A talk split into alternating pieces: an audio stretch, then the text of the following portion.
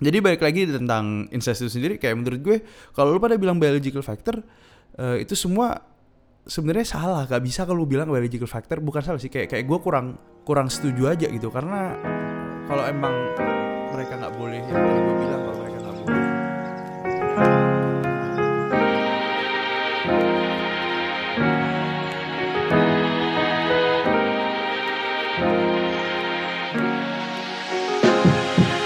Hey everyone, welcome back to pada suatu ketika season 1 episode 32 dan sekarang gue lagi pingin ngomongin tentang topik yang lu pada ada request dua minggu lalu yang gue mager banget ngomongnya jujur aja.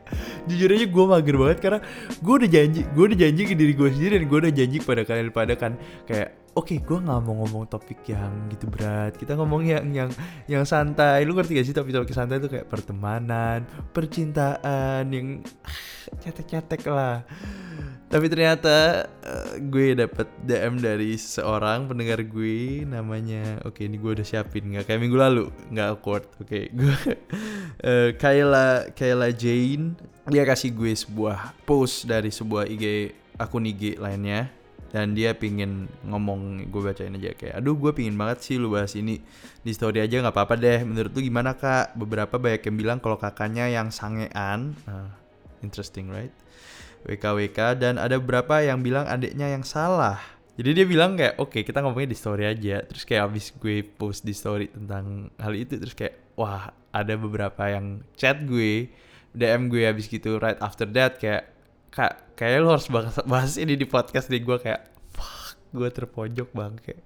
But yeah anyway gue bacain dulu nih kasusnya gimana ya. Kasusnya itu let's see. Oke okay, gue bacain nih. Sorry agak 18 plus, tapi mau nanya beneran. Cowok kalau punya adik cewek yang di rumahnya pakai baju kebuka, kayak tank top sama celana pendek, gak pakai bra, itu emangnya bakal nafsu walaupun adik kandung? Tanda tanya. Abang aku gitu soalnya. Padahal aku begitu juga di kamar doang. Dianya yang sering masuk kamar aku, terus dia bilang, Dek, kalaupun di rumah jangan pakai baju begitu. Gimana pun sama gue juga udah gede, gue laki normal, Dek kan jadi aku takut akunya. Terus emo sedih. Padahal mama sama papa nggak ngelarang aku. Terus uh, di tweet itu uh, banyak banget yang uh, balas tweet itu. Kayak ya lu gila aja di depan dia begitu. Seenggaknya pakai kaos sama pasang BH lu. Kecuali kalau mau tidur ya nggak apa-apa. Naked juga nggak apa-apa. Emak bapak lu nggak ngelarang karena nggak kepikiran. Tapi kalau abang lu udah ngomong itu lah ya lu rubah lah uh, malu dikit lah. Jadi gimana gimana gimana? Lu pada udah denger ceritanya? Lu pada udah uh, dapat gak sih permasalahan di sini tuh apa gitu? Jadi setelah gue baca gue share itu di IG-nya PSK Podcast lu bisa follow IG-nya PSK Podcast lu bisa follow IG-nya PSK Podcast. Harus ngulang tiga kali. Uh, terus Abis gue post, gue tanya pendapat orang-orang kan. Orang-orang jawabnya sih lumayan uh, mix ya gue bisa bilang. Makanya gue gue gue tuh nggak mager banget ngomong tentang hal ini. Tuh mix banget mix opinion banget yang uh, ngebuat gue pasti ada yang berdebat sama gue dan gue anjrit mager banget nih. Padahal gue pengen ngomong santai. Enggak lah enggak lah santai. Lu pada bisa DM gue kalau pada nggak setuju so feel free to DM me and I'll share it to everyone. So maybe we can share our point of view to each other to everyone else back to the point. Oke, okay.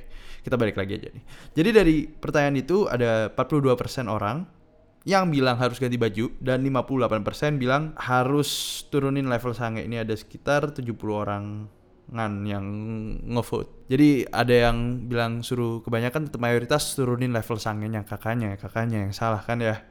Jadi kalau kita lihat dari cerita ini sebenarnya ada dua cerita, ada dua poin yang sebenarnya gue pingin bilang kan. Yang poin yang pertama adalah sebenarnya gue pengen bahas tentang incest itu sendiri dan menurut gue incest tuh kayak gimana. Dan mungkin yang kedua gue bisa bahas tentang bukan bisa sih emang seharusnya ya gue bahas tentang uh, kasus ini yang lebih ke arah kayak apakah sebenarnya cewek ini harusnya punya hak untuk melakukan hal itu? Ini sama aja kayak waktu gue ngomong tentang rap culture gitu yang salah ceweknya. Enggak enggak juga gitu kan ya. Kayak lainnya lainnya di mana gitu ini jelas-jelas di kamarnya. Jadi gue jelasin dulu gue mulai dari yang incest dulu. So yeah, feel free to uh, listen and pada suatu ketika. Jadi pada suatu ketika gue habis itu terima habis terima DM yang gue terpojok, gue mulai berpikir tentang incest itu sendiri. Gue mulai berpikir bahwa kenapa incest itu uh, sesuatu yang salah. Di mana salahnya gitu loh. Dan setelah gue pikir-pikir ada satu alasan yang gue nggak gitu suka dari dulu. Dan itu pun gue nggak bisa jawab tentang hal itu gitu loh. Kayak oke okay, incest salah karena biological factor. Dan semua orang gue yakin lu pada lagi denger podcast gue sekarang. Kalau lu pada pernah ngobrol pernah uh, get to know uh, tentang uh, topik ini get to know apaan? Uh, lu bakal kayak mulai berpikir iya ya medicine tuh biological factor. Karena waktu lu uh, inbreeding lu mm, ngehe sama saudara lu sendiri or your cousin your I don't know meskipun di zaman dulu tuh Homo sapiens sebenarnya melakukan hal ini ini incest ini sebenarnya inbreeding dipraktekkan zaman dahulu chance buat anak lu cacat atau disabled atau uh, gagal waktu uh, kelahiran tuh sangat tinggi karena lu ngelakuin uh, inbreeding ini. Jadi salam satu keluarga uh, melakukan hubungan seks dan lu mencoba ya keluar anak ngehe lah simpelnya dan semua orang percaya tentang hal itu dan semua orang percaya bahwa alasan kita menolak incest itu sendiri karena itu. Gitu. Banyak kalau di undang-undang pun hal itu juga dilarang gitu. Di bahkan di agama hal itu dilarang gitu. Tapi kalau misalkan kita ngomong secara biological factor itu hal sebagai faktor utama, menurut gue ada yang aneh gitu. Karena coba lu pikir lagi nih ya. Kalau emang kita mencoba untuk melarang dua orang manusia yang mencintai karena anaknya bisa cacat. Lah kalau kayak gitu kenapa nggak semua orang disuruh tes dulu? Tes tes kelahiran gitu tes tes janin mereka tes uh, reproduksi mereka. Apakah mereka itu subur? Apakah mereka uh, bisa punya anak? Apakah anaknya gimana gitu loh? Kayak kayak oke okay, anak lu ada kemungkinan cacat. Lu nggak boleh punya anak. Kayak di Scandinavian itu uh, beberapa tahun lalu di berlakukan policy di mana lu nggak boleh punya anak kalau misalkan lu ada turunan uh, cacat gitu kan dan harusnya ini bisa di-apply juga dong ke orang-orang yang kayak gini. Tapi kalau kita kayak bilang, oh ya lu harus tes dulu, apakah lu sebenarnya bisa punya anak cacat atau enggak? Kalau lu nggak punya cacat, kalau eh sorry, kalau lu punya chance buat lu punya anak uh, disabled atau mungkin you know kayak bisa gagal, lu nggak boleh punya anak, pasti marah semua, ya kan? Apalagi kita tuh kalau di agama semua agama ngajarin semuanya harus punya keturunan, ya kan? Kalau dilarang kayak gini pasti marah. Padahal Eh, kita sendiri ngomong incest itu salah karena mereka punya anak kemungkinan besarnya bisa cacat, bisa bisa disabled gitu loh. Kayak rada munafik gak sih? Kayak rada-rada gimana ya? Kayak salah seorang temen nyokap gue, uh, dia pemuka agama, dia punya anak enam kali, yang keluar cuma dua. Jadi dokter udah bilang lu uh, kecil banget kemungkinan lu kalian pasangan ini untuk punya anak gitu dan uh, dari enam kali punya anak empat di di antaranya tuh meninggal waktu uh, dalam masih kondisi di janin gitu kan uh, masih dalam perut uh, ada yang udah stage terakhir uh, ada ya pula yang baru jadi terus kayak uh, early like few months langsung gagal gitu tapi yang keluar akhirnya dua gitu kan.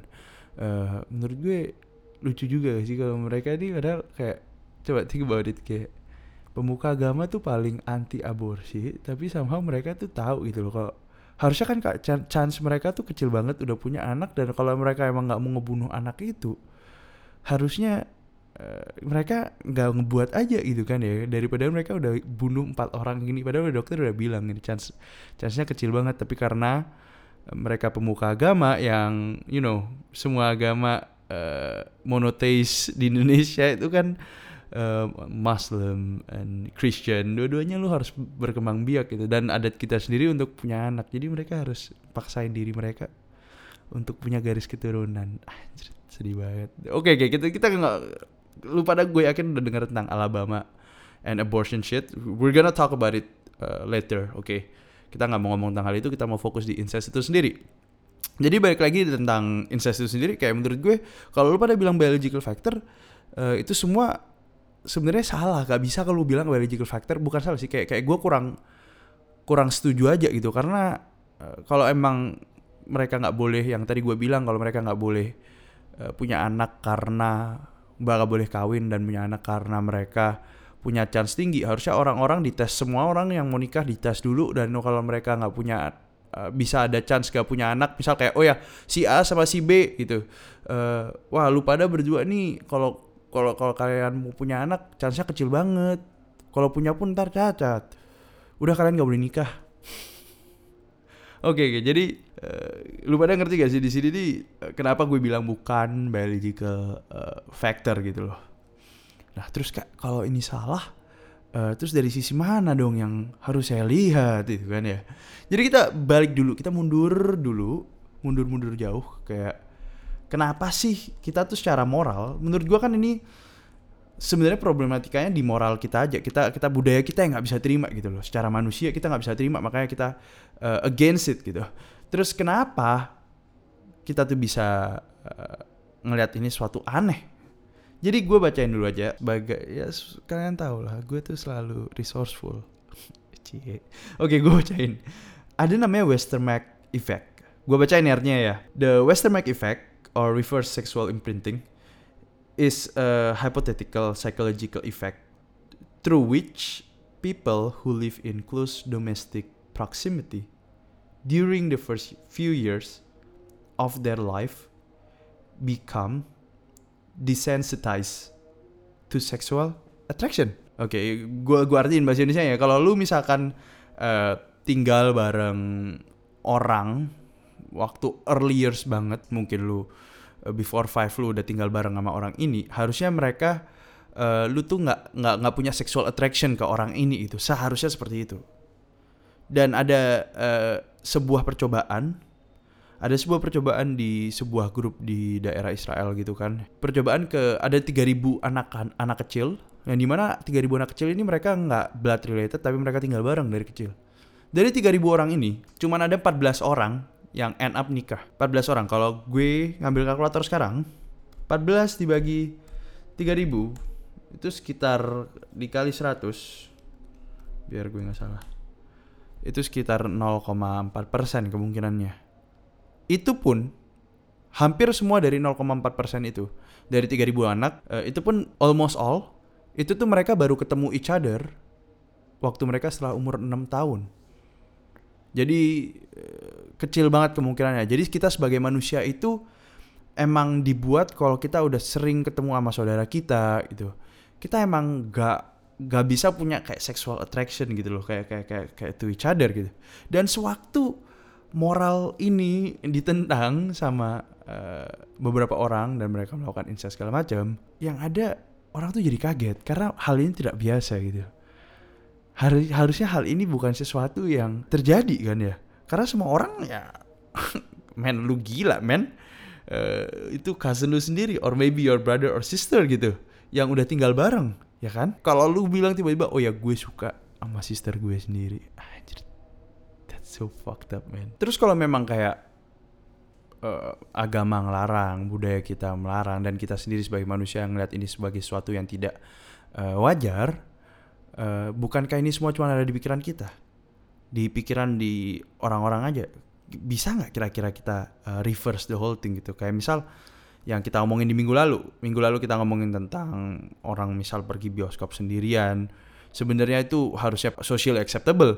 Tapi karena kita ngeliat itu sesuatu yang aneh, sesuatu yang tidak wajar karena di Indonesia mempunyai yang gue bilang mempunyai suatu kebiasaan kalau lu pergi ke tempat publik itu harus rame-rame. Kita bisa kan sebenarnya reverse itu semua jadi kayak kita nganggap bahwa hal ini tuh sebenarnya oke-oke aja dan ini uh, bisa accepted aja gitu. Karena kalau lu tahu di dunia ini ada beberapa negara yang menolak, ada beberapa negara yang nerima-nerima aja gitu uh, kayak misal ada negara yang terima asalkan udah duanya udah 18 tahun plus. Kalau negara kita Indonesia kita ada undang-undangnya yang kita tidak memperbolehkan uh, untuk incest ini. Tapi uh, gimana kalau gue sendiri gitu? Kalau gue sendiri sih gue uh, lebih ke arah berat sih. Ini ini berat makanya gue gue gue gue gue gue mager banget ngomong tentang hal ini. Tapi kalau in my opinion gue tetap lebih nggak setuju kalau misalkan hal ini dilegalin uh, karena meskipun meskipun kita ngomong ini kan love segala macam. Oke, okay, gua kasih tahu ada yang namanya types of love kan. Kalau lu pada tahu types of love itu biar biar gue yakin types of love. Uh, Oke, okay, gue baca ini types of love. Kalau lu pada tahu Aristotle Plato gitu kan all those philosopher. Uh, mereka tuh bilang tentang tujuh tipe cinta kan ya. Tujuh tipe cinta itu ada namanya eros ada filia dan sebagainya kalau pada pernah dengar tentang hal itu. Tapi gue ada dua hal yang yang yang menurut gue lumayan lumayan menarik di sini. Uh, ada namanya familial love or storge.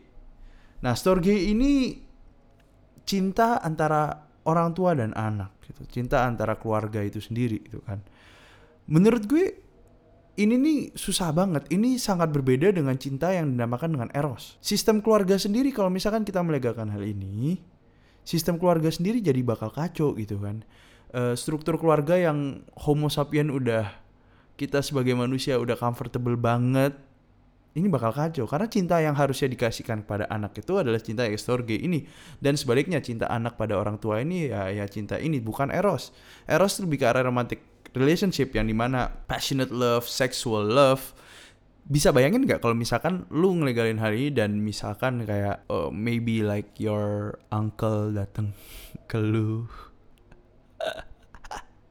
Your creepy uncle yang pakai yang kumisan terus dia juga pakai kacamata gitu eh sini pergi sama om kasih permen. Oh my goodness that's so fucked up tapi ya ya ya ini untuk prevent. Sebenarnya kayak kalau misalkan teorinya tuh nggak cuman di sini doang nggak cuman buat prevent biological factor gitu loh. Banyak yang bilang juga ini nih buat prevent uh, orang-orang untuk melakukan memberikan cinta yang berbeda gitu loh pada anak di bawah umur. Uh, mungkin kalau misalkan kita memperbolehkan hal ini mungkin aja uncle-nya atau onnya atau kayak om tantenya yang gue nggak tahu mungkin grandpa-nya gitu kan bisa uh, moles anak kecil gitu. Dengan kita prevent hal ini dengan membuat undang-undang sedemikian rupa uh, negara tuh berharap bahwa hal ini tidak mungkin saja bisa tidak kejadian gitu loh. Jadi uh, gimana kalau misalkan habis 18 tahun gitu? Harusnya itu fine fine aja dong kalau misalkan habis 18 tahun Well, makanya it's it's really hard. Kalau habis 18 tahun mungkin gue bilang uh, fine fine aja, tapi lu build cinta eros tuh kan berarti kan waktu lu dari 0 sampai 18 anak ini kan harusnya mempunyai cinta yang uh, bukan cinta yang romantical dan passionate kan? Ngerti gak sih maksud gue? Kayak tapi orang orang tuanya memberikan cinta yang yang yang sedikit berbeda gitu loh. Lu pada ngerti kan maksud gue? Kayak kenapa kenapa incest itu sebenarnya dilarang menurut opini gue dan beberapa orang tapi kalau misalkan ya in conclusion ya kalau misalkan uh, biological factor gue disagree banget sih kalau itu bisa dijadikan sebagai uh, main factornya gitu loh.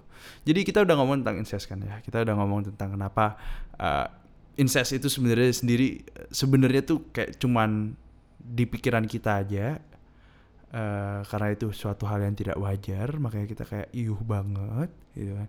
Kalau kita balik lagi ke ceritanya di cerita ini nih gua gua gua gua sam bukan summary sih gua gua gua puter balik dulu aja biar lu pada bisa inget lagi kan ya. Jadi kakaknya sering datang ke kamar ceweknya ini adik ceweknya uh, dan kakaknya sange ngeliat adiknya pakai baju tank top gak pakai BH dan uh, celana pendek gitu loh. Oke, okay, kalau lu pada bilang kayak aduh gitu aja sange. Aduh oke okay, oke okay, oke. Okay. Tiap orang tuh beda, men. Tiap orang beda. Mungkin kakaknya ngelihat hal ini itu sama kayak uh, lu pada ngelihat uh, adek lu pakai lingerie gitu loh. Kayak ngerti gak sih pakai BH sama dalam doang gitu.